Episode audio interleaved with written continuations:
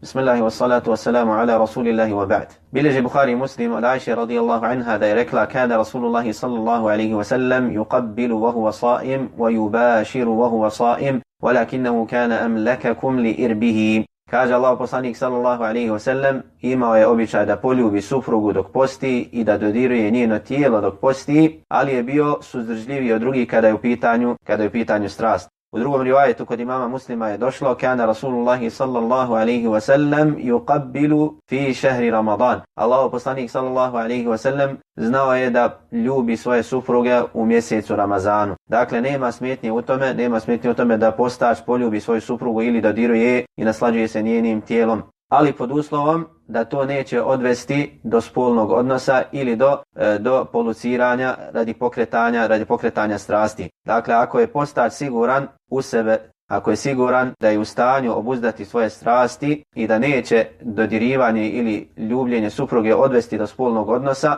ili do poluciranja, onda onda mu je dozvoljeno da ljubi i dodiruje svoju suprugu i to ne utiče na ispravnost njegovog posta E, kao što ne umanjuje vrijednost njegovog posta jer Allah poslanik sallallahu alaihi ve sellem bio je najbogobojazniji od svih ljudi i da je u tome e, manjkavost ili da to umanjuje vrijednost posta zasigurno Allah poslanik sallallahu alaihi ve sellem ne bi to činio. Dakle nema u tome ništa sporno i nema smetnje da čovjek poljubi ili dodirne, dodirne svoju suprugu. Međutim ako zna ako zna da će to odvesti do spolnog odnosa, onda mu nije dozvoljeno. Onda mu nije dozvoljeno. Dakle, postoji razlika između čovjeka koji može sebe da kontroliše i čovjeka koji koji nije u stanju da se kontroliše, čovjek koji je u stanju da se kontroliše, njemu je dozvoljeno da dodiruje svoju suprugu ili da je poljubi, a čovjek koji nije u stanju da kontroliše e, i da, da obuzda svoje strasti, takvom nije dozvoljeno da se približava onome, to će ga odvesti u činjenje harama, a nema sumnje da je spolni odnos u toku posta veliki grijeh prema Allahu subhanahu wa ta'ala i to kvari njegov post.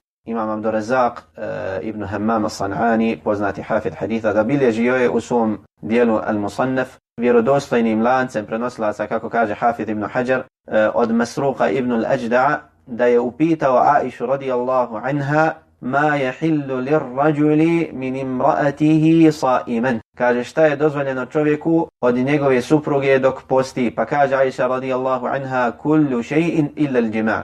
Kaže dozvoljeno mu je sve osim osim spolnog odnosa.